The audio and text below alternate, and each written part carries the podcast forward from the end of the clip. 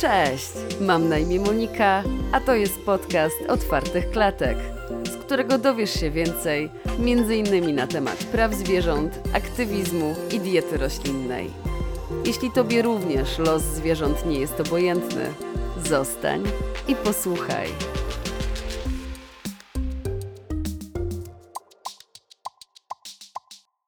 Witaj serdecznie w kolejnym odcinku podcastu Otwartych Klatek. Dziś odcinek szczególny, bo rozłożymy sobie pomaganie na czynniki pierwsze.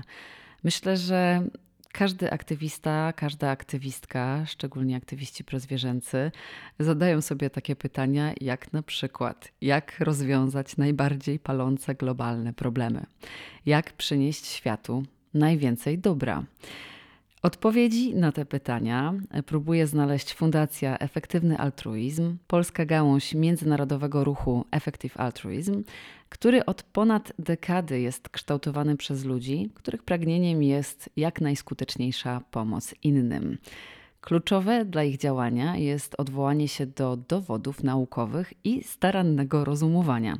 Co się kryje pod hasłem efektywny altruizm? Jak działalność efektywnego altruizmu przekłada się na pomoc zwierzętom? No i czy pomaganie naprawdę da się zoptymalizować? Porozmawiam o tym dziś z Chrisem Schulzem z Efektywny Altruizm Polska. Cześć Chris. Cześć Monika, dzięki wielkie za zaproszenie. Powiedz na początek, kiedy zdałeś sobie sprawę z tego, że pomaganie można ulepszyć, sprawić, że będzie ergonomiczne, bardziej ergonomiczne? Gdy czynimy dobro, to raczej chyba nie od razu myślimy o tym, że można to zrobić lepiej, e, jakoś bardziej efektywnie. E, co albo może kto wpłynął na to, że zainteresowałeś się właśnie efektywnym altruizmem? Hmm. Wiesz co, jakieś Sześć lat temu e, pracowałem dla firmy marketingowej w Amsterdamie. E, dosyć komfortowa, mało fascynująca praca biurowa. E, zajmowałem się tam danymi klientami. Gdzieś po roku pracy wyrobiłem sobie tam system dowożenia wyników, które z jednej strony bardzo cieszyły przełożonych, a z drugiej nierzadko tworzyły dla mnie sporo czasu wolnego do wykorzystania przed komputerem. Nie, nie wiem, czy też tak masz, ale mi poczucie wolnego e, marnowania wolnego czasu e, sprawia spory dyskomfort. E, więc e, starałem też. się... Ja nawet jak oglądam serial, to staram się robić coś przy okazji, bo jakby trudno mi jest oglądać tylko serial. Myślę, że marnuję wtedy czas, więc wiesz, albo staram się coś tam kleić, albo robić jakieś manualne rzeczy. To jest, ja myślę, że to jest chore i to nie jestem tak. pewna, czy to, jest, czy to jest dobre takie nieskupianie się na jednej czynności. Myślę, że mózg może wtedy trochę wariować, także, ale rozumiem, co masz na na myśli? No, klasyczek. E, myślę, trochę klątwa może też e, aktywistów. No, w każdym razie miałem faktycznie tego e, czasu całkiem sporo i, i gdzieś tam jak udało mi się troszkę ugrać godzin, to nabywałem wtedy praktyczną wiedzę, czy to z podcastów, z kursów online, gdzie, gdzie tylko się dało. No i pewnego dnia zacząłem eksplorować temat chowu przemysłowego. Akurat miałem wtedy e, fazę na optymalizację diety pod kątem zdrowotnym. E, nie jadłem już na przykład kur, ale chciałem wiedzieć więcej. Mm -hmm. Nie pamiętam, czego dokładnie szukałem na YouTubie, ale trafiłem na godzinną prezentację Garego Jurowskiego. Kojarzysz gościa? Mm -mm.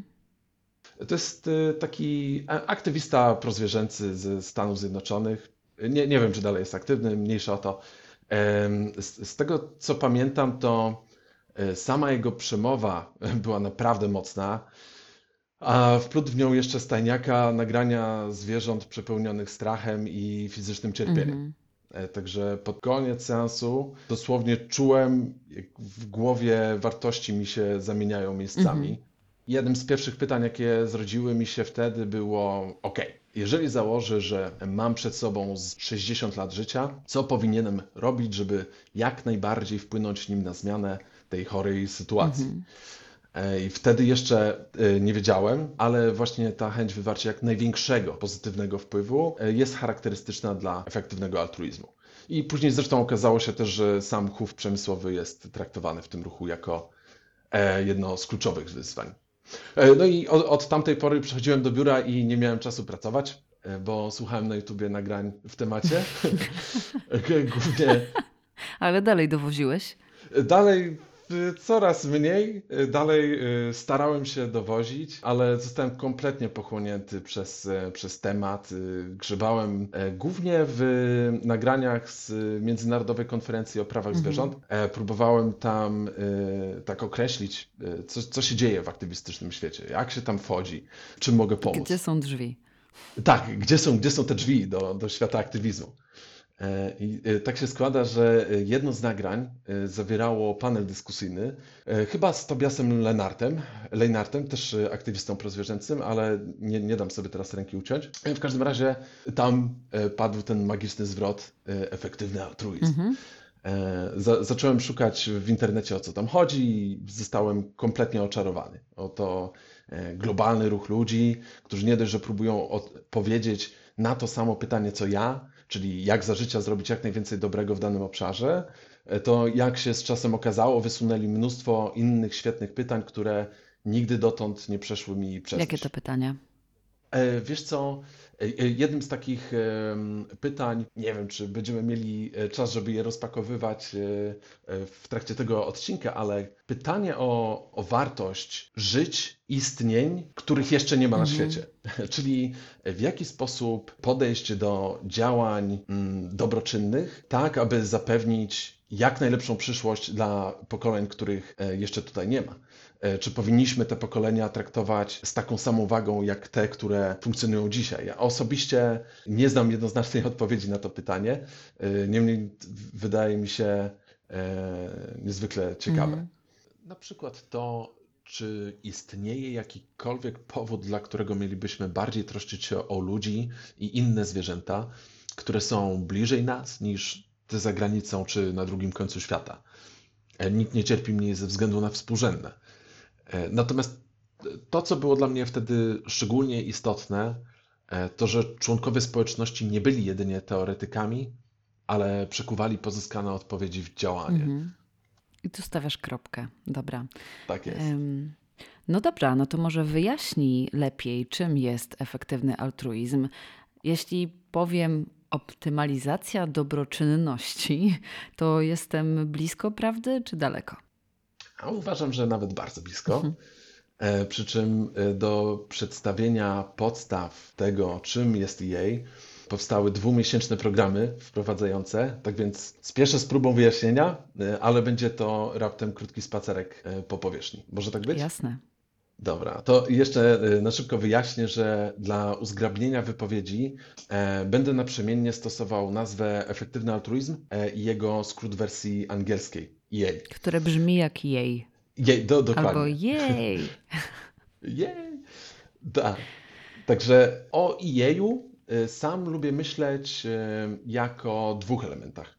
E, Jeden to zbiór założeń, e, które pomagają nam określić, jak się zabrać za tę optymalizację dobroczynności, a drugi to globalna społeczność, która wdraża te założenia w życie.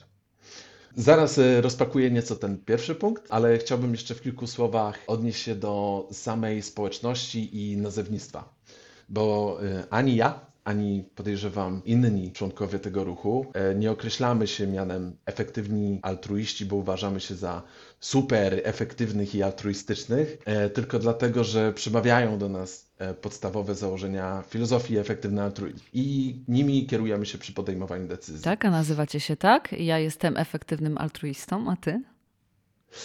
E, Tak, zgadza się. siebie mówicie?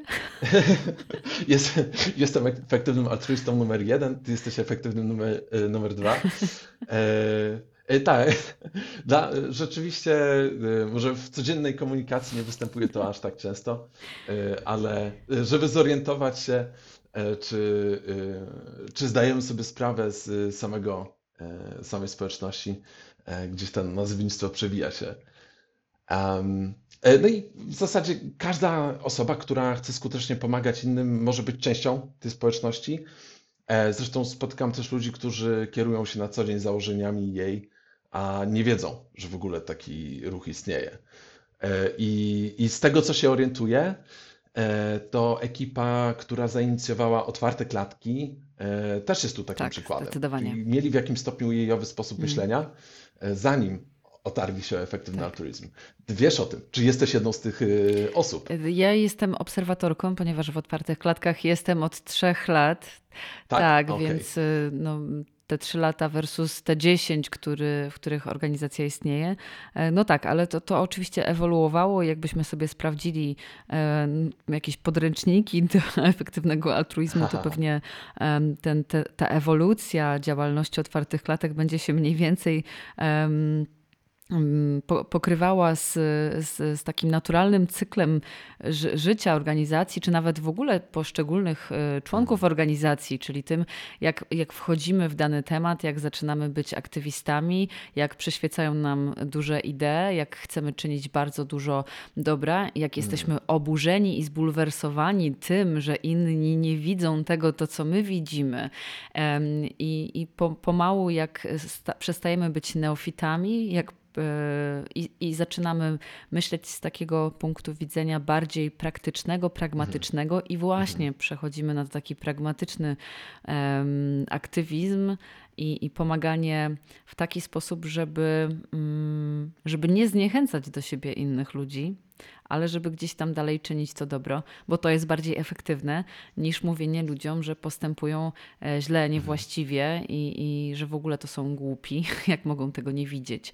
No to, to nie jest tak, bo my też kiedyś byliśmy e, na, w tym położeniu, nie? My też kiedyś nie, widzi, nie wiedzieliśmy, nie mieliśmy pojęcia, jak pewne rzeczy wyglądają. E, to nie jest też często, nie można tutaj mhm. mówić o jakimś takim przypisywaniu winy, no a na, na, na początku często, często tak jest e, i później to się powoli zaczyna zmieniać wraz z obserwowaniem tego, co, co jest skuteczne, a co jest nieskuteczne i też tym, jak my sami się zmieniamy. Nie? Więc myślę, że w otwartych klatkach taka ewolucja właśnie postępowała, a teraz, e, jeśli można spojrzeć na otwarte klatki, no to to jest bardzo prężnie działająca organizacja, która zatrudnia aktywistów na etat, która zrzesza wielu, wielu naprawdę wolontariuszy, którzy, którzy chcą robić i czynić e, mm, dobro dla, dla zwierząt e, w, pro publico bono.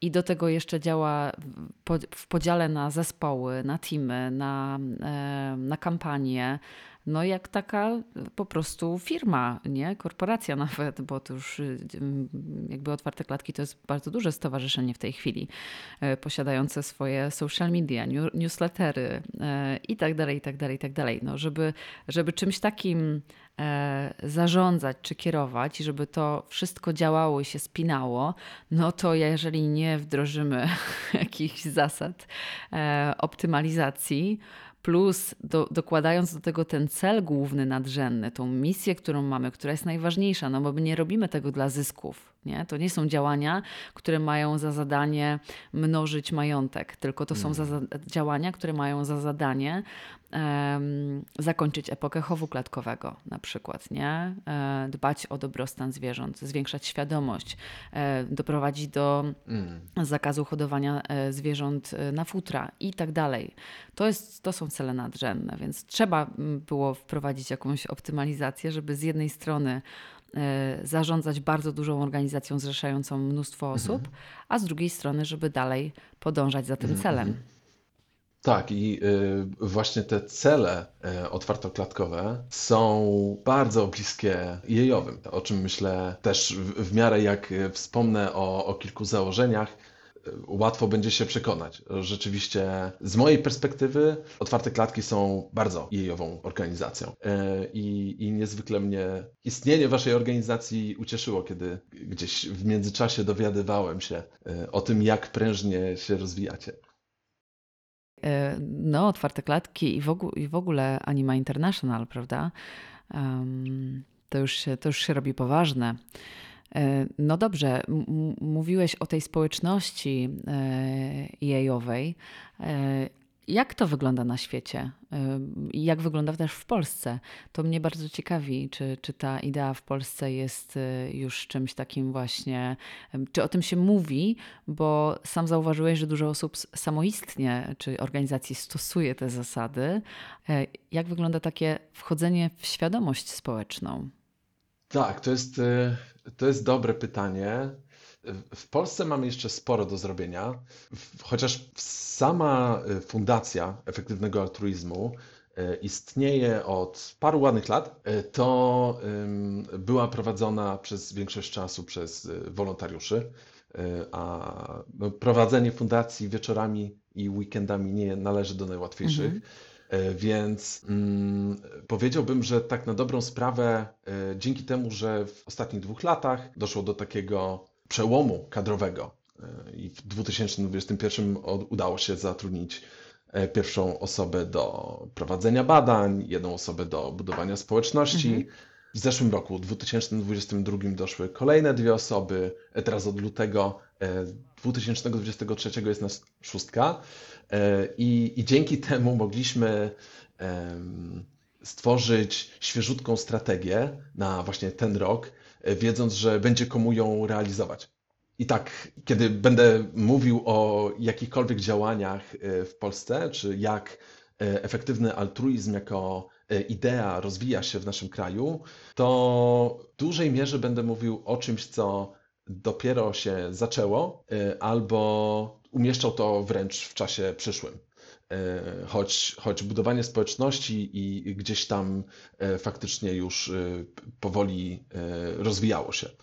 Relatywnie powoli, bo z mojej perspektywy też muszę podkreślić, że mm, społeczność w Polsce do małych nie, za, nie należy, mimo że jako organizacja nie, nie, nie jesteśmy z, z większych. powiedzmy sobie szczerze, tak jak przed chwilą opisywałaś, jak to wygląda w otwartych klatkach, e, no efektywny altruizm e, jako fundacja nie ma jeszcze e, tak rozrośniętych zespołów. No nie. Mm, ale kto wie, powolutku dojdziemy. Ale tam. można dołączyć do Was w każdej chwili, prawda?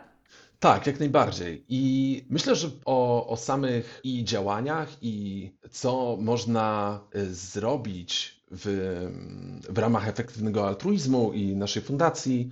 Może jeszcze bym dorzucił kilka słów e, później. E, zastanawiałem się, że warto by wspomnieć o kilku takich podstawowych założeniach, które, które w ogóle przyświecają tej idei, żeby tak nakreślić, o co w tym wszystkim chodzi. No to dawaj te założenia. więc tak, ja, ja osobiście lubię myśleć o założeniach w podziale na dwie grupy. E, pierwsza skupiona na problemach, e, druga na interwencjach. E, I zaczynając od wyzwań, zakładając, że mało kto, mało komu umknęła fala zagrożeń i cierpienia, z jaką zmagamy się na świecie. I z drugiej strony, na szczęście, czego też fajnym dowodem jest OK, jest też sporo ludzi, którzy kierowani czy empatią, czy poczuciem moralnego obowiązku, e, czy jakimś innym źródłem mocy, e, sprawia, że chcą się, chcą coś z tym zrobić, stawić temu czoła. I teraz powstaje pytanie, gdzie zacząć? E, bo jakbyśmy zebrali wszystkie tematy, które można by zdefiniować jako problem w listę, to byłaby piekielnie długa. Jeśli zaczniemy się później takiej liście przyglądać, e, to pewnie bez większego wysiłku zorientujemy się, że problem problemowi nierówny. E, bo brzydkie elewacje w mieście to może i przykra sprawa, ale nas nie zabija, jak na przykład jego zanieczyszczenie powietrza. No oczywiście, gdybyśmy mieli zasoby na maksymalne rozwiązywanie wszystkich wyzwań jednocześnie, nie byłoby tematu, ale jest przeciwnie. Jest, mamy bardzo mało, mocno ograniczone zasoby i czasowe, i finansowe, i mhm. talentów. E, I to nas prowadzi do, do takiego, myślę, jednego z podstawowych założeń jej, czyli konieczności priorytetyzacji. E, tego, że powinniśmy chociaż spróbować ustalić, za co należy zabrać się w pierwszej kolejności, czy z większą uwagą. Mhm. I tu podkreślam spróbować, bo o ile zestawienie brzydkich elewacji ze smogiem daje e, bardziej oczywisty wynik, no to im dalej w las, tym ciężej jednoznacznie stwierdzić, o, to jest problem numer jeden, tutaj mamy numer mhm. dwa. E, I jak po kolei przekierujemy tam 100% niezbędnych zasobów, to zanim się obejrzymy, będzie e, utopia i globalny luz po wieczność. E, niestety, nie, nie jest to takie proste. I w ruchu powstały całe organizacje, jak Global Priorities Institute, które w pełnym wymiarze zajmują się e, poszukiwaniem odpowiedzi na pytania typu e, gdzie zacząć. Tak więc ustalenie, co możemy chcieć określić jako najbardziej palące wyzwania, jest nieustającym procesem, wychodzimy też z założenia, że jeżeli nowe dane albo zmiany na świecie zasugerują, że należy jednak pracować nad czymś innym, to nie zamierzamy tego mhm. ignorować. No i to, były, to była taka y, raczej y, lista zastrzeżeń, y, ale na ten moment jej y, wskazuje już y, szereg obszarów, które możemy chcieć potraktować priorytetowo, jak na przykład właśnie wspomniany chów przemysłowy, e, globalne zdrowie i ubóstwo, e, usprawnienie procesów decyzyjnych, na przykład na poziomie instytucjonalnym, zagrożenia, które mogą doprowadzić do naszego nieodwracalnego upadku, na przykład przez powstanie globalnej dystopii, e, albo całkowitego wyginięcia przez globalną pandemię czy wojnę nuklearną. I w sumie to e, mam, miałbym tutaj ciekawostkę e, odnośnie mhm. pandemii. Mo, może wiesz, może, może część słuchaczy również, ale badacze w, z EA już od 2014 sygnalizowali, że duża pandemia może narobić bałaganu. E, I w efekcie dwa lata później e, jedna z organizacji zainspirowanych efektywnym altruizmem, e, Open Philanthropy, -hmm. została największym darczyńcą jednej z nielicznych grup, które prowadziły w tamtym czasie badania nad tym, jak możemy skutecznie reagować na globalne pandemie. John Hopkins Center for Health mhm. Security, -hmm. o nich mowa. I odegrali niemałą rolę w odpowiedzi na COVID-19. Tak, Więc... słyszałam o tym. No to jest niesamowite, że, że ludzie, którzy mm, teraz siedzą gdzieś w jakichś, mm, wiesz, y, malutkich, chciałam powiedzieć piwnicach, ale, ale pewnie nie, mam nadzieję, że nie. E, siedzą sobie w jakichś niewielkich, bogatych, luksusowych biurach, tylko po prostu obmyślają, co się może zdarzyć, jak temu przeciwdziałać, co robić. Oni najczęściej nie są e, finansowani, nie mają środków na to, żeby robić swoją mm. robotę taką prewencyjną, tak, przed tym, co, co może się stać, tylko zostają dostrzeżeni w momencie, kiedy E, kiedy nagle jest sytuacja, którą przewidywali jakiś czas wcześniej. Trochę to jest smutne no, i dokładnie. nie mówi za dużo dobrego o, o ludziach. Niestety. E, ale, ale to są ciekawe rzeczy, e, ciekawe rzeczy, które poruszasz.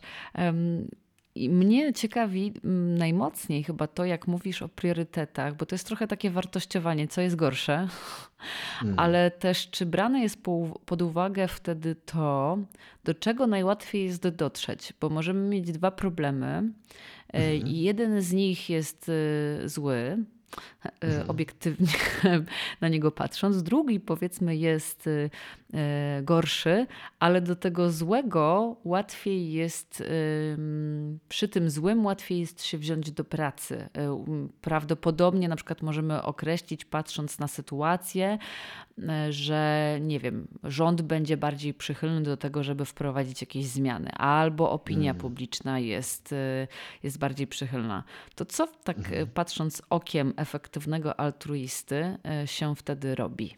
Sprawdzę, czy dobrze zrozumiałem pytanie. E, w sytuacji, w której na przykład rząd e, może być bardziej przychylny przeciwdziałaniu jednemu problemowi niż innemu? Tak, ale ten problem, no możemy sobie tutaj po, po, położyć jakiś przykład ze świata zwierząt. Mhm. Um, mamy Jasne. na przykład kampanię antyfutrzarską. I mhm. wiele krajów już wprowadziło zakaz hodowania zwierząt na futra.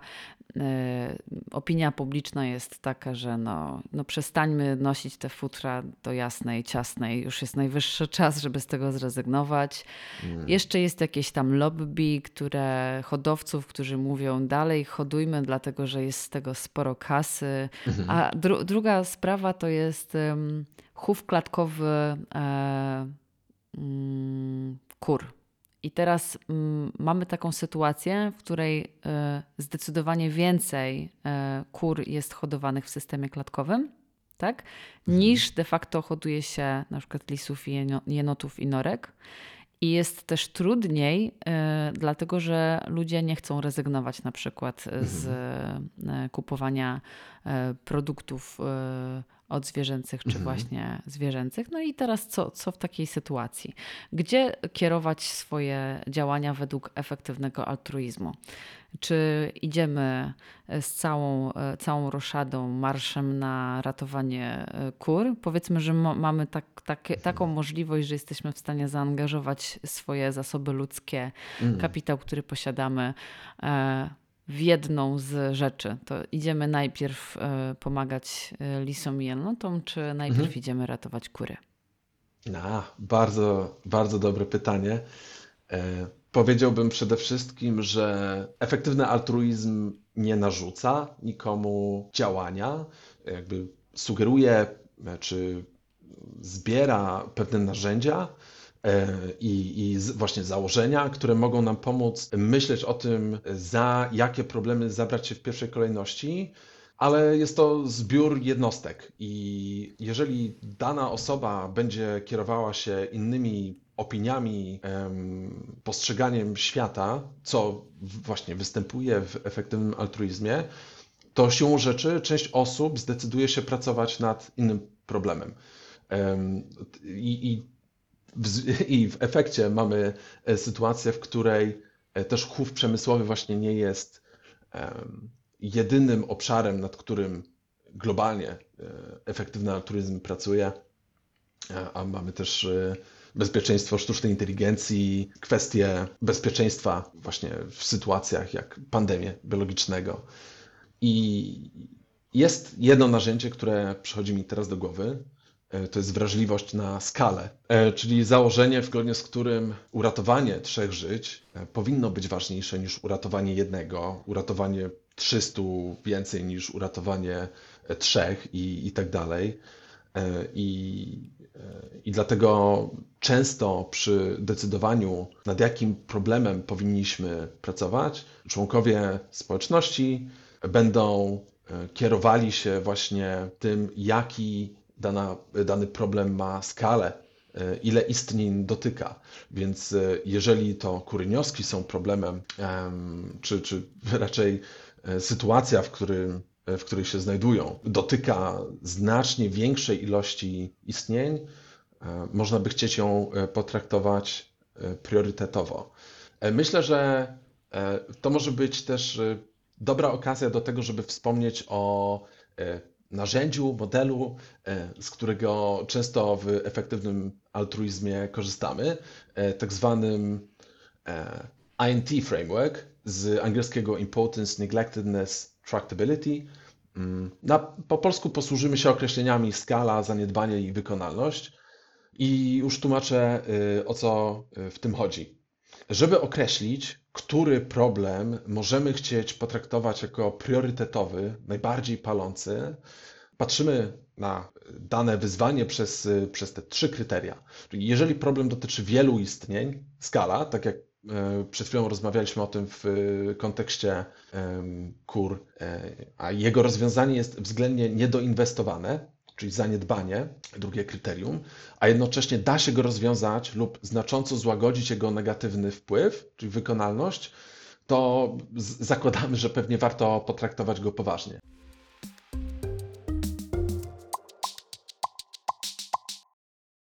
Gdybyśmy mieli przyłożyć ten model do chowu przemysłowego około 80 miliardów zwierząt lądowych, które są zdolne do odczuwania strachu i bólu, zabijanych co roku, żeby przerobić je na produkty spożywcze.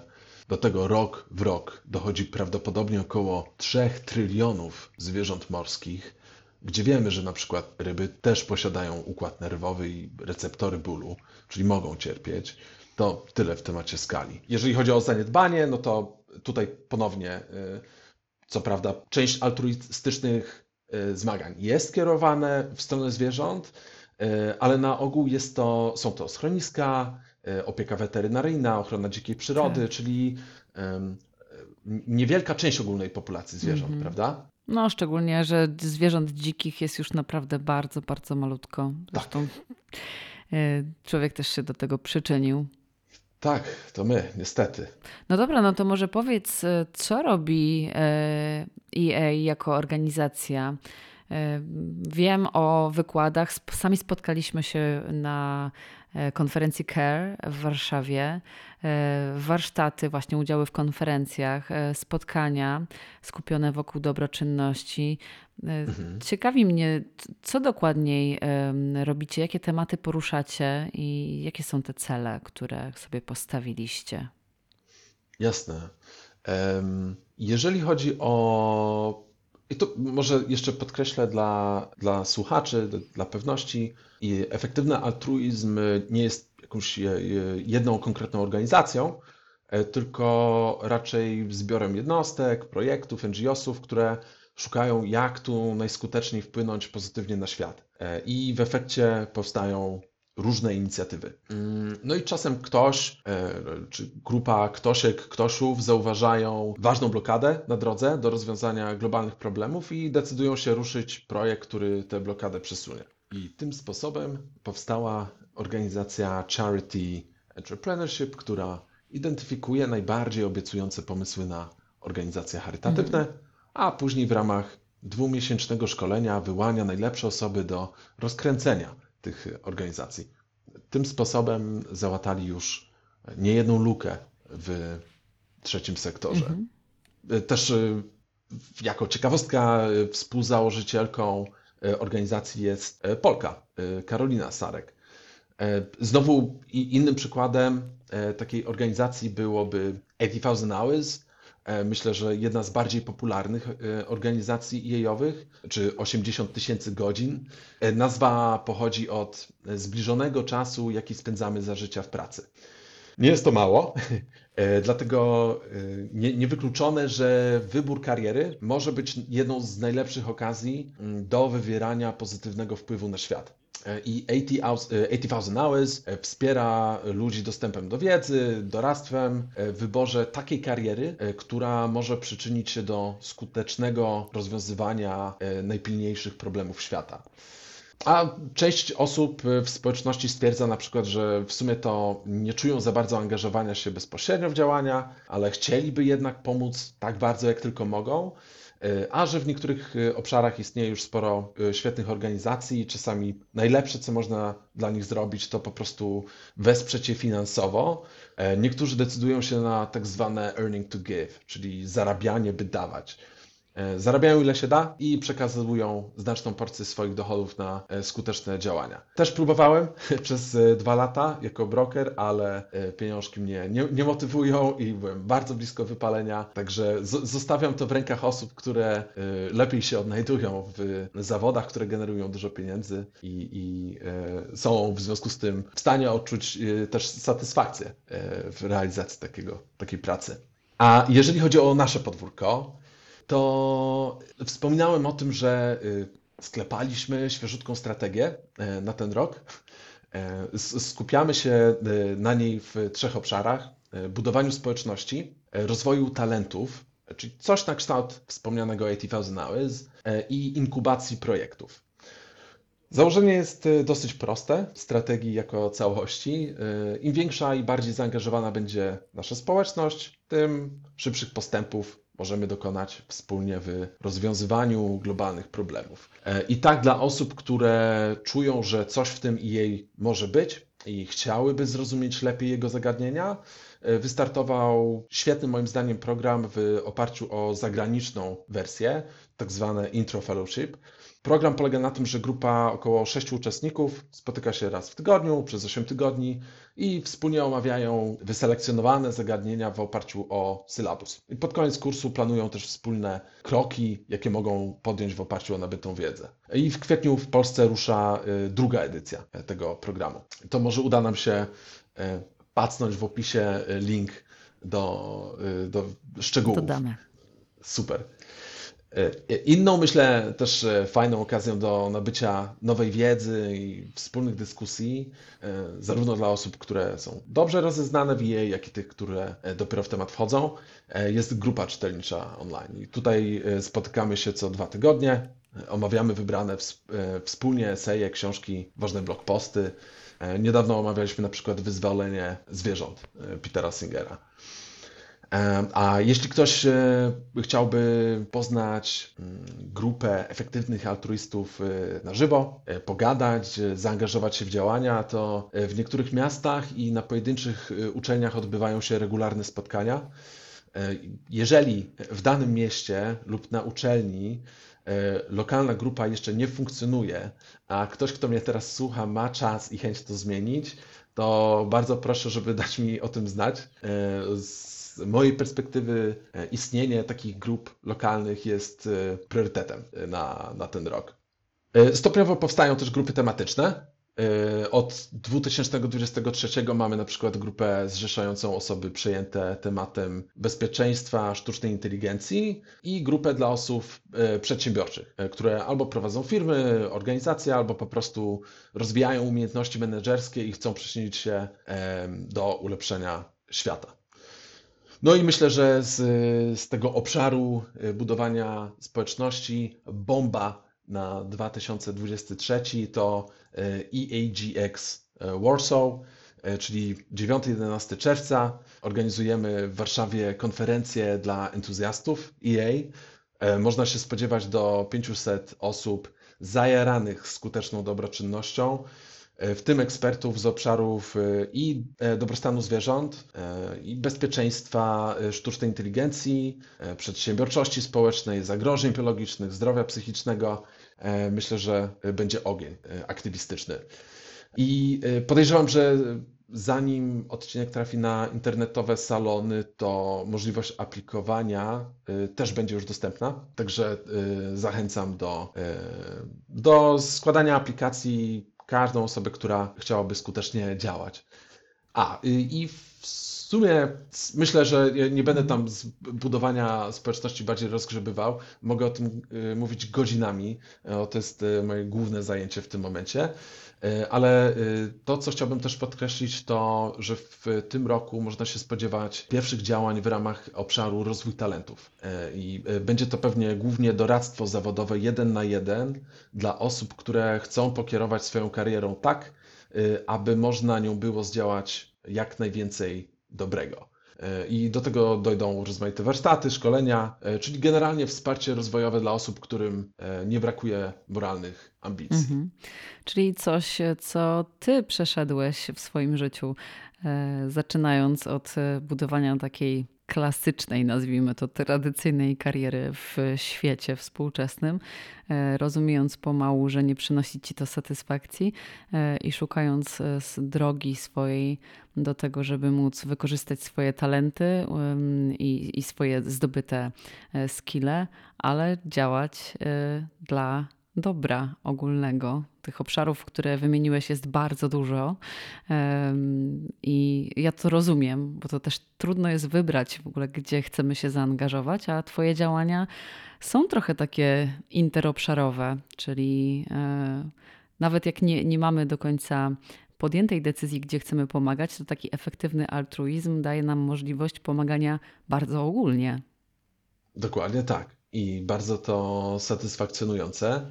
Zrzuca też trochę ciężar, w, w, szczególnie w przypadku budowania społeczności, gdzie nie musisz wybierać, którym obszarem szczególnie chcesz się e, skupić, e, a poprzez rozbudowywanie społeczności angażujesz osoby, które, e, z których część będzie później pracowała nad bezpieczeństwem sztucznej inteligencji, część, na, część nad właśnie E, dobrostanem e, zwierząt i, i mnóstwem e, innych obszarów.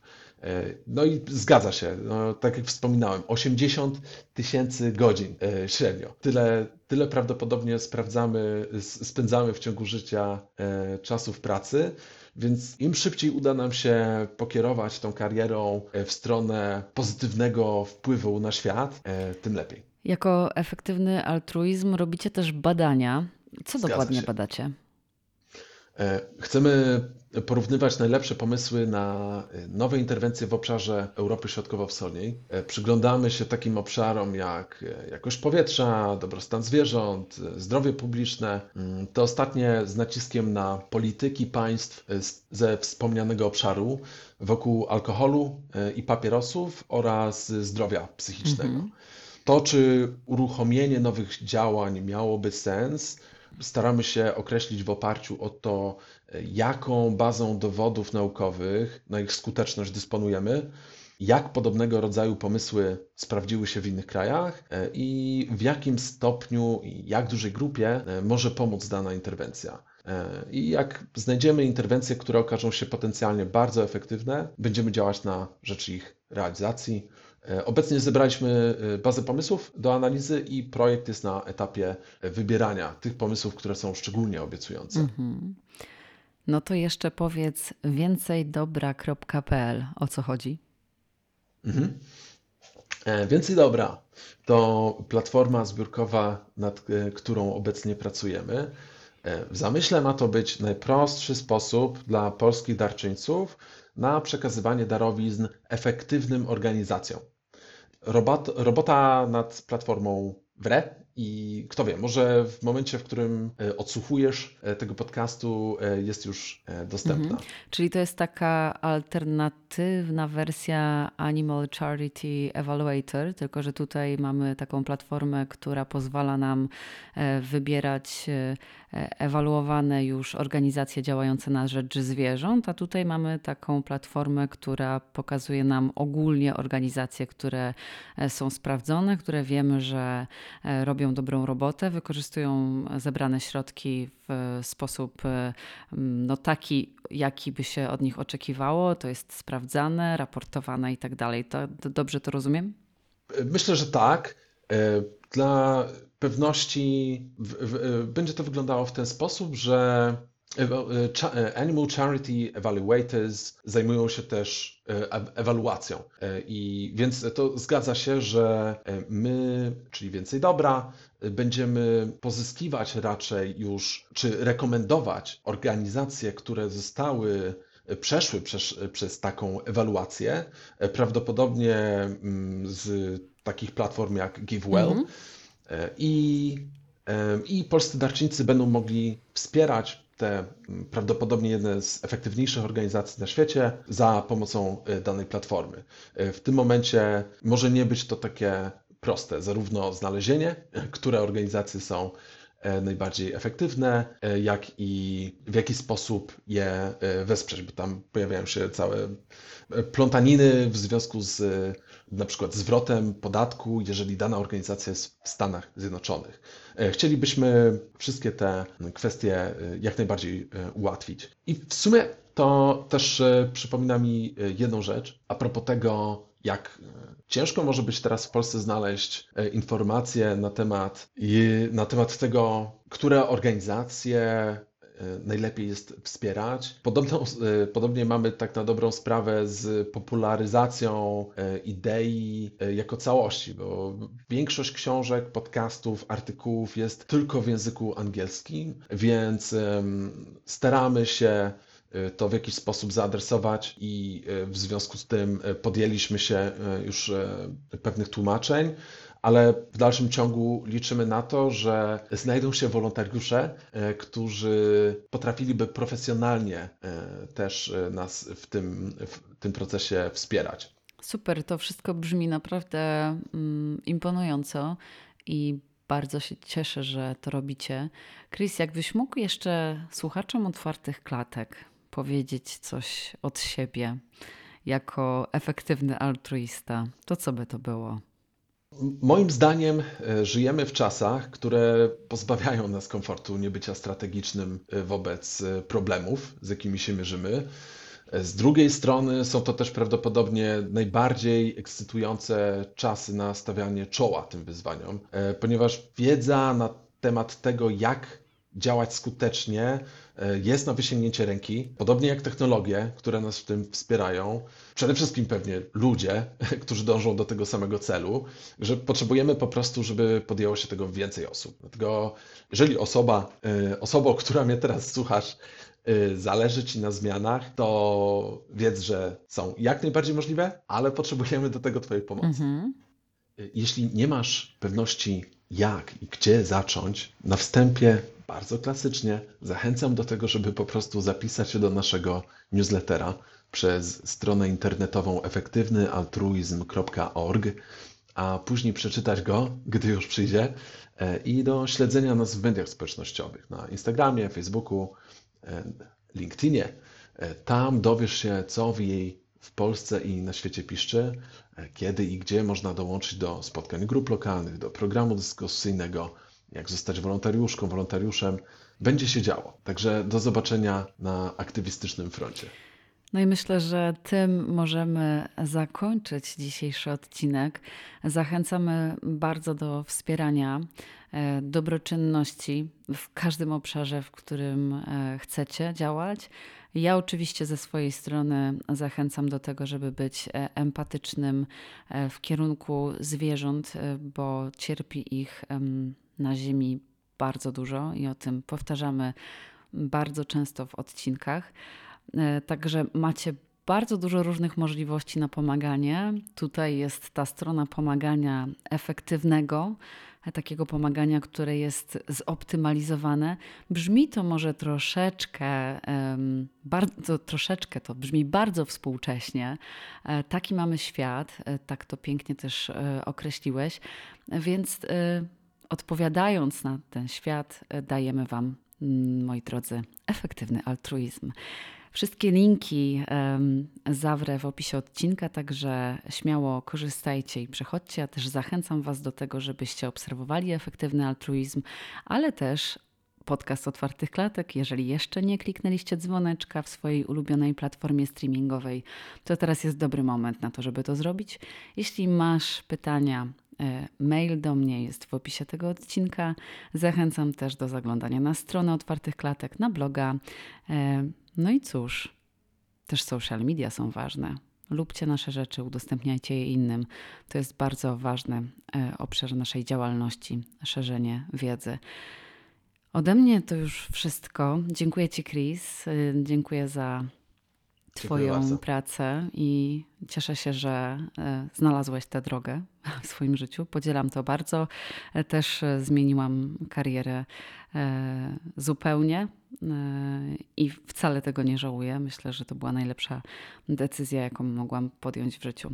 Także tym optymistycznym akcentem żegnamy się z Wami i do usłyszenia w kolejnych odcinkach. Cześć, Chris. Hej, dzięki wielkie. Cześć.